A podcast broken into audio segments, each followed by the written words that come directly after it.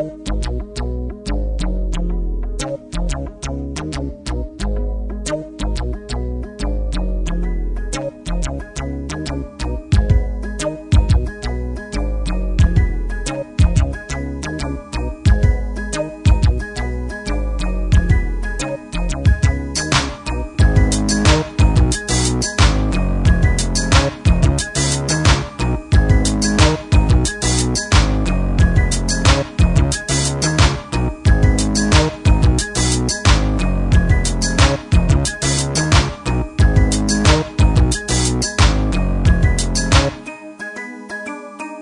Varsovia vento. Kiam mi auscultas vin kaj rigardas beletran almanakon, mi vidas iun bildon de iama la revuo, en kiu fakte estis poemoj, estis rakontoj, freŝaj tradukoj, jes kaj kolektiĝis multe da homoj, kiu okupiĝis pri literaturo tiam. Kia estas diferenco inter la iama la revuo kaj beletra almanako? Do vidias la revuo, sed por mi, quancam mine ofte pripensas tion, modelo avantaulo estus pli literatura mondo, kiu estis nia tamen plei signifa historie literatura revuo, anca giclo podis paroli ne nur pri literaturo, sed anca pri aliae artoi, afero cion gi pli ambizie faris estis reprodukti pentrajo en havi estetike belan internon, do anca ni ne estas turpa revuo, ne, ne estas malbelai, aparte nia incovrilo in prisorgas la chef redaktoro Hore Camacho, kiu uciam trovas la giustan illustra materialon, do un concepto de la revuo estas che nia ilustra materialo, cutime fotoi, foi anca desegnoi, estas arta unuo en si mem, do gi certe illustras la numeron, sed ne temas per illustrajo alla aparta contribuoi do ni consideras che iu rigardo sta numeron kai rigardo sen gi vercoin de concreta bild artisto do gi estas plia same valora o ec pli valora contribuo ol la literaturajo mem. Um, ni havas contribuanto en el multae landoi mi havas ta impreson che ni ancora ne esas tiom maleropai kiom eble estus bele esti sed verŝajne ni fidele spegulas la konsiston de la esperantistaro kaj de la verkantaro esperanta. Gioiga tamen mi pensas che iom pli crescas la quanto de virinae contribuantoi, anca de iunae homoi, per cui mi esce audis antaue, cae cui eble sendas surprize bonae contribuoin, sed neeviteble ne ankaŭ estas forumo por homoj kiuj jam delonge verkas kaj kiuj sendas al ni garantieble bonajn contribuen nur por doni unu nomon, exemplo Michaelo Bronstein preskaŭ ĉiunumere kontribuas contribua salni per nova racconto ankaŭ Sten Johansson el Svedio estas nia heima nomo por tie diri.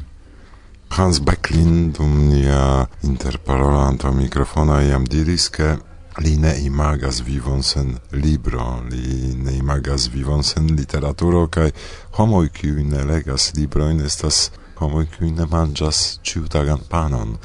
Por kiu estas beletra almanako, ĉar ni konas ambaŭ Esperanto-medion kaj homo ne vere interesiĝas pri akirado de libro e kai pri legado de ili, do videbla ĉiam estas movado circa libro servo sed tamen eh, ni ne ĉiam certas ĉu homoj kiuj acetas la librojn in legas poste. Por kiu estas beletra almanako?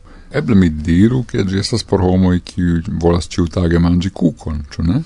gi, gi estas tre delicata varo, cae ne estas nur ec simpla ciutaga pano, sed bone tio estas eble tro ambizia o tro dolciga rilate la realon, do anca mi perceptas che generale, cae anca in esperantuio malpida homo e lega solantaue, mi ne disponas la vendo cifero in tiu iconas Urich, Urich Becker, ja donanto, sed effettive temas pri quantoi malpirandai ol sia tempe si de literatura mondo, mm, niscias che sia tempe na e aroi eh, la mecenato fondanto de literatura mondo Teodoro Schwarz povis el la enspesoi de literatura mondo eh, ec havi nebove in kiu estis la bazo de la familia ricezzo de, de tiu familio, kiu poste productis la multbilionulon George Soros, do hodiaŭ ni ne povus atendiriĉiĝi e l'esperanta periodaggio, literatura aŭ alia, sed eh, mi ciam spertas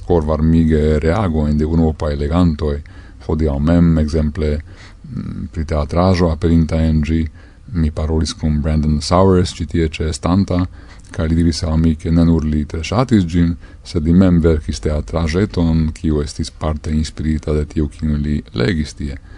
Do tiai aferoi anca montras che Beltramanaco rolas inspire por aliai vercantoi, ca tamen ni besonas forumon, che gi estas iu organo de vivanta corpo, ciu la tuta corpo sanas au maliunigas, petio ni povus discuti. No, ni creu literaturon, ni redactu, ni eldonu, ni esperu che la tempoi por literaturo libra o generale literaturo ne forpasis. Mi anco povus diri che, cae tio eble iom subfosas cium mi jus diris, sed mi pensas che la homa besono ie fictio estas tre forta, cae ciu besonas fiction en sia vivo.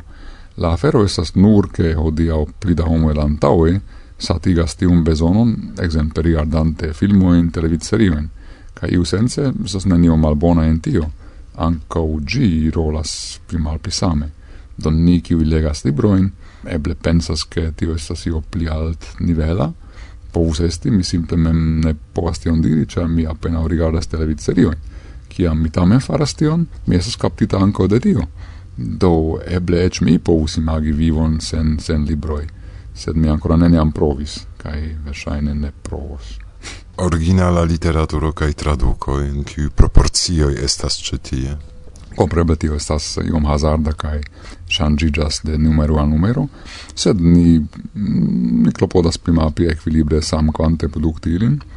Um, relate la contribuoin, kiu ni spontane ricevas, eble la quanto de traduco estas iom plia ol de originalajoi, mi ne faris statistikon, sed mia impreso estas che poemo in traducita in ricevas ec pli ol necesus, char homoi pensas che esas rapide cae facile producti poem traducon, cae pli ofte provas tion, versaine ili mal pli ofte trafas la giustan necessan nivelon ol prosajoi.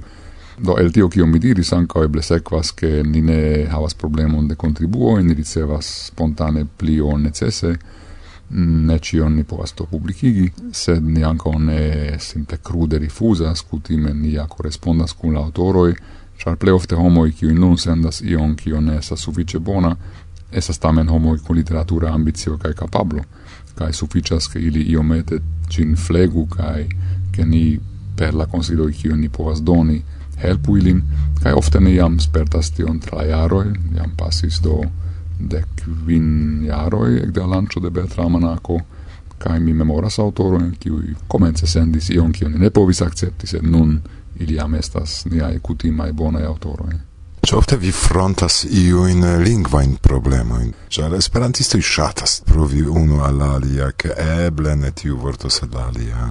Um, nu, ankaŭ in nia redakcio mem ni ofte korespondas ĝuste pri tiaj lingvaj demandoj, povas esti malsamaj ideoj kaj evidente korespondas kun la mem, do kiam mi redaktas eh, uh, aventan kontribuaĵon, Mi klopodas kiel per respekti gin kaj ne intervenas krom kiam mi vidas neceson, mi ofte faras rekomendojn al aŭtoroj, ke eble estus pli bone ŝanĝi vortumon kaj poste lasas kompreble la, la decidon pri tio. Ni havas aŭtorojn ĉe kiuj apenaŭ necesas ion ŝanĝi. Sed do ekzemple ĝuste ĉe Miguel Fernandez, kiu estas unu el tiuj aŭtoroj kiuj sendas al vi ion kvazaŭ prespretan, mi interŝanĝis kvar kvin mesaĝojn, ĉar en unu lia frazo laŭ mi oni ne devus meti sia, sed lia, cae do oni interbatalis per eh, cugloi de plena analisa grammatico, cae de pag, cae tir plu, tute amiche compreneble, cae fine li absolute, absolute affable trovis la solvon che li reformulis sian frason, tiel che tute ne plu necessis ciu sia au lia. Sed ja, do, ian tio estas eh, ofta ludo por tiel diri che pe unu sola litero ebbe ni pasigas horon da correspondado kai nu tio ne estas tute economia afero interalie pro tio vere tramanako bezonas longan tempon por aperi sed iu sense tio ankaŭ estas parto de la agrabla agado circa la revuo Monato estas monata kai beletra almanako. Gi estas quar monata, do gi aperas tri foie iare lao la monato scribita sur la covrilo, gi principe aperas en februaro, junio cae octobro, Mm, ni ofte havas malfruon, kai giuste hierau amicino consilis che nu, se la junia numero ancora ne aperis, cae nun, nun ni parolas fine de septembro, eble ni lasu gin ancora iomette malfrui, cae gi aperu in junio, sequa iara, tiam la problemo de simem malaperas, junia numero estos junia. no ja tio esus unu el la solvoi, ja ni shatus compreble esti gis datae, cae quelc foie ni am presca atingis eh, nin mem, sed No, mi restas iomete mm, ja, pli losa pri tio ol mi devus esti, mi anca pensas che ni clopodas en meti eterna in valoro en ca sekve ciu ili aperas en februaro o ne tio ne havas tiom da seco e crome eh, la malfruo foia havas avantagioin e eh, do exemple en la februara numero principe februara ni tamen am havas ec poesian echon alla milito startinta en februaro poemon de Michaelo Bronstein, se vi permesos mi legos gin. Michaelo Bronstein, actuale. Ni, revenintae al malamo, al canaelezzo plei absinta, pravigas nin che alla samo revenis la amico inta. Ec se gi veras, do ciu decas copii la malnoblan agon, la historion in aprezos, ne eviteble fixos pagon, se post cruelo sen medita, post simpra viga histerio, sur nia tero fracasita, ancora eblos historio. Do antau vido, ĉu ne februara? Beletra almanaco en papera formo estas antaŭ ni. Ĉu estas formoj elektronikaj, bitaj? Estas, sed mi mem estas tia papera fosilio dinosauro, ke mi ne scias la detalojn, citie la jam mencita Brandon Sowers mencis che li mem abonas gin en tia formato ca li esas contenta do mi povas nur resendi ciu in informigi ce nia reteio kie oni prescribas la manierojn haveblajn do estas kaj bonvolu e trovi la informojn kai ne serĉu ĝin ĉe veterano papera kiel mi. Do bone ke vi metis ankaŭ informo ke ekzistas retejo de Beletra Almanako kie vi povos cion pri la revuo exi. Do vi ricevis priskribon de beletra almanako kaj aliajn impresojn serĉu vi mem eh, trovante la reteion kai eble mendante prof exempleron ĉu ekzistas tiu afero mendi prof ekzempleron? Ah, ankaŭ pri tio ne devus demandi al Ulrich, se do mi mem persone ofte montras foies donacas al homoi, cae mi pensas che anca oni alia redaccianoi faras same, sed cio case mi credas che numero numeroen, certe almeno parte oni povas trovi en la reto, do tiu sense oni certe ricevos eh, provon se oni faros. Ne nur pro pano homo vivas, iu diris iam fama, kai eh, eble ni aldonu, ke ne nur char ancau existas, kai alla kuna kukumado ni instigas vin kore. Dankan. Mi dankas pro la intervjuo kai la okazo disconigi Bertrand Manakon ancora o pli. Kai dankon pro la atento al ciui.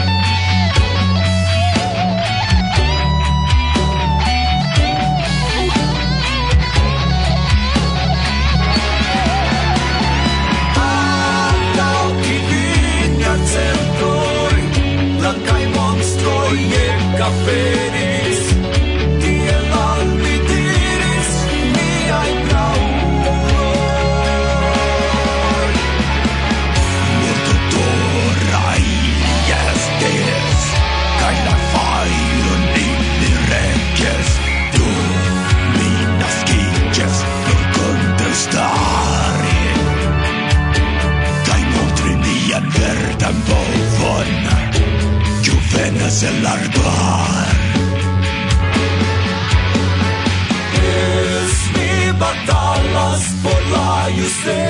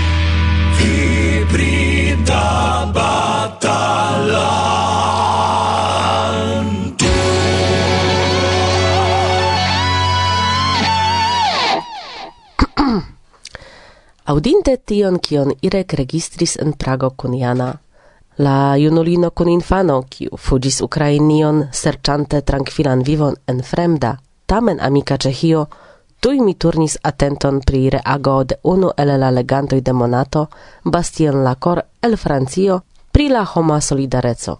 Aŭskultu.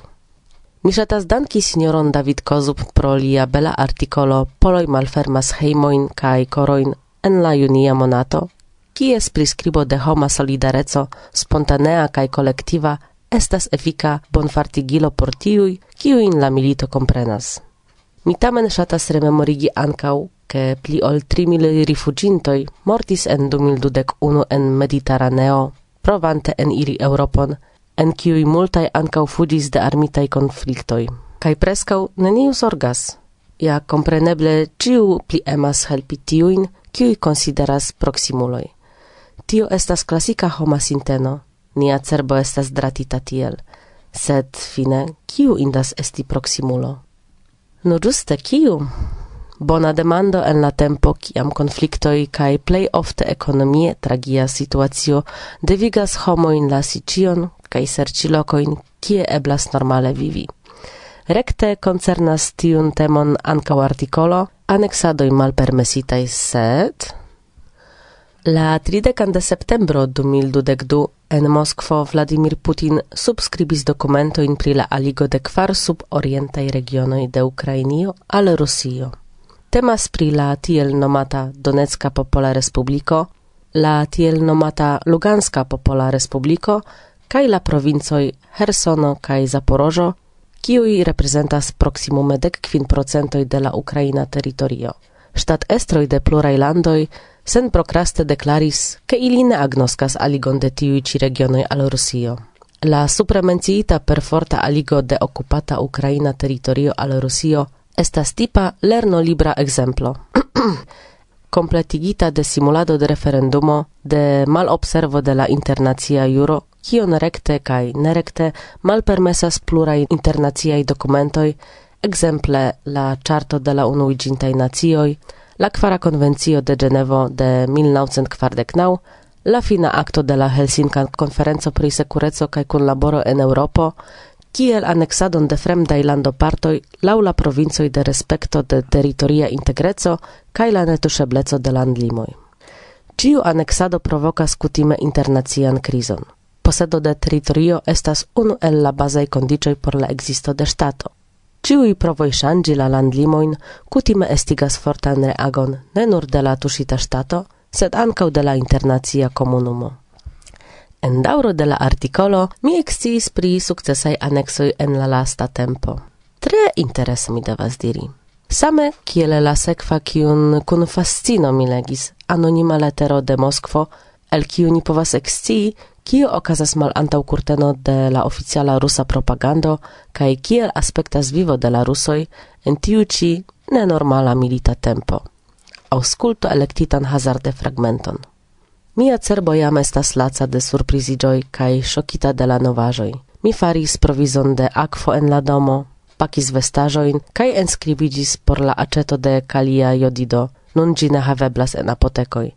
En la gazetoj estas skribite, che je la giusta horo de nuclea dangero cio estos annoncita al ciui en radio cae televido. Sed mi ne comprenas kion faru tiu, kiu estos survoje au sen radio. Kai ancau tiun parton homoj povus esprimi sian malconsenton sen illusigion cae agreson per paca conveno. sed ne en nia lando. En la unua tago post la anonco de la mobilizado, grupetoj de malkonsentuloj alvokis homoj veni al la urbocentro kaj montris sian civitan pozicion per procesio. En ĉi tiu tago mi estis devigita resti en la laborejo, sed kiam mi preterpasis la renkontiĝejon irante hejmen, mi vidis kvin malplenajn policistajn kamionojn kaj multaj policanojn, kiuj enŝlosis protestantojn en ili. Kaj mi En apuda najbara lando ĵus revenis el vendejo, kie inter alie mi acetis bieron por tranquile gustumi gin dum tre rigardo de monato. Mi vidis policistoin, sed neniu interesigis pri mi kai pritio kion mi portas. Dum unu el la rencontigioi Irek racontis che lia amico en Ukrainio prescau ploris, ciam pos duon jaro de malpermeso en lia urbo oni jesis alla logiantoi fin fine aceti po unu botelo da biero, kies guston prescau li forgesis. Unu biero post duon jaro. Pli frue ec ne guto, kai la amico revenis heimen, funkciigis muzikan amplificaron, cae gustumante bieron exentis sin quasau milito ne existus, kiel iam. Ciam Irek finis, rigardis nin cae demandis, Ciu in problemo in facte vi havas homoi? Heime tranquile, ne mancas elektro, akvo, surstrate ne tankoin, sed geamikoin vi rencontas, la vendeioi plen plenas, La anonima letero de Moskvo alproximigas la rusan realecon, kai kion oni povas klare eksenti diras intervortoj. Ne pri ciui rusoj penso malbone nur pro tio, ke Rusio respondecas pro kruelaj teruraĵoj en Ukrainio. Kompreneble, ne nur circa militoj dancas monato en la comenzo jam, kiam oni prenas la decembran eldonon, jetas sin en oculoi la covrila foto de demonstracio kun la catalunaj flagoj, subtitolo Kvin jaroj post la referendumo. Vi memoras kio okazis politike, ĉu? Estis referendumo, la cataluna parlamento declaris sendependecon kaj... Ĝuste, kion ne diri, ĉe ambaŭ flankoj mi havas korajn geamikojn do miain in pri la temo mi ne deziras prezenti publike ol eventuale dum bieromado kun ili. Mi petas comprenon. Kroma texto, kiu tuj alelogis mian atenton, estis de submano de Anigront, nia konatulino, kiu multfoje invitatis nin al sia insula Verdejo en Grekio. Sia articolo, ĉu tiel aspektas sekura haveno, rakontas pri menciita problemo, problemo ankaŭ de rifuĝintoj. En 2017 la autorino atingis la insulon Samos kaj ekde tiam provis helpi la homojn, kiuj esperas trovi sekurecon en Eŭropo. Unu jaron poste si komencis agi por la azilpetantoj ene de la neregistara organizaĵo Samos Volunteers. Dum tiuj ĉi jaroj multo ŝanĝiĝis. Malfacilas diri ĉu nun la situacio estas pli aŭ malpli bona. Tion ĉu estas pli aŭ malpli bona exciumem. Pardonu, ke ne cion al vi mi lautlegos, sed ja vi povas fari tion mem. Por ĉe la okazo ekscii ankaŭ interesaĵojn el Kanado ekzemple, el articolo Nova Populisma Partiestro au el plena de bongustega biero Belgio, championoi el sociei komunikiloj, el Italio chula la dormas, el Kosovo sen precedenza strico de instruistoi. Sekve, kion visias exemple pri skrablo en kubo, artefarita energi insulo au pri medicinaj testoj sen provbestoj? Ies, multajn interesein artikoloin en la decembra eldono mi trovas. Kaj por ciu laŭ mi. Gosia certe kun ĝojo akceptos du artikoloin. Unu, min estas bibliofilo de Orlando Eraola kai rakonton Agbota de Evgenij Lo Georgiev. Irek trovos por si ion pri muziko, fare de nia amico David Emil Wikstrom, kiun lastfoje ni vidis antau multai multai jaroi en Sarajevo dum la tempo de la internacia seminario ISO kai organizata de ni el Cora Agosemajno ASO, temas compreneble pri ciam admirinda agado de Vinil Cosmo, kai plida de Vinil Cosmajoi en aktualaĵoj. Kio ancora interesa? Hmm. Klaku ale ligilo en la priskribo kaj petula sen pagan ekzempleron, se vi ancora ne estas abonanto. Kaj mi dume finos tranquile labieron legante plu. Yes, mi finos labieron tranquile. Kun salutoj al Paulo kaj al la tuta redakcio, kompreneble aparte mi deziras al vi che la nova jaro estu pli bona kaj pli normala ol tiu kiu pasas, kaj al la amiko de Irek riveron au ec lagon da biero. Parolis Agnieszka.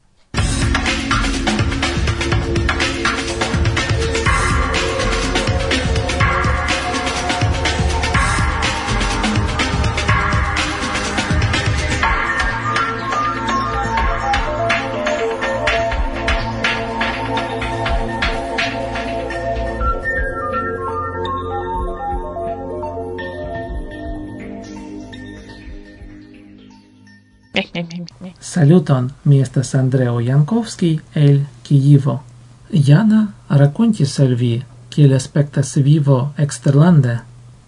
Al mi kaj el multaj, kiu devis adiaŭi siajn amikinojn, patrinojn aŭ edzinojn kun infanoj, por ne iĝi viktimoj, mankas vortoj danki al vi ĉiuj, kiuj helpis kaj helpas al Ukrainio. Ni restis kaj suferas cruelan militon, de dictatora regimo in Rusio direktita contra aliei nazioi, cae generale contra democratio en la mondo. Temas ne nur pri milito contra Ukrainio, la imperiistoi, case de successo, au mai successo en Ukrainio havas planon pri invado de Litovio, Latvio, Estonio, Belarusio, Moldavio, Kartvelio, Kazahio, Tajikio, cae tiel plio. Ja se falus Ukrainio, pli me grande landoi, tion pli ne capablos ion ajn contraustari al la De nove dankon al vi ĉiuj, helpas al Ukrainio, kaj apartan dankon al niei soldatoi, kiu ne permesas, ke la krimo de banditoi disvastigiu. Saluton al vi! Sur herbeie la Liburno rugia clinis triste sin. Margaigi sia nia glora, Land Ucraini sed ni cune, la Liburno rugian suprenigos, Ucraina mia landan gloran, hei, regaigos ni, sed ni cune lavi burnon rugian suprenigos, Ucraina mia landan gloran, hei, hei, regaigos ni.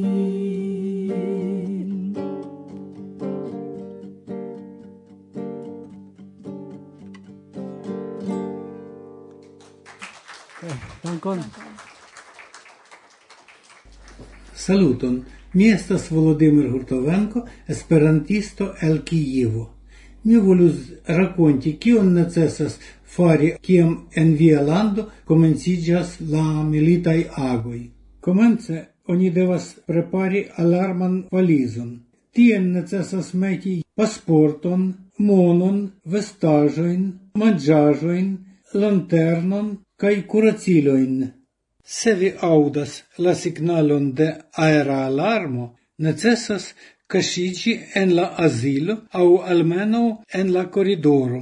Necesas anco malŝalti la elektron, gason cae la akvon.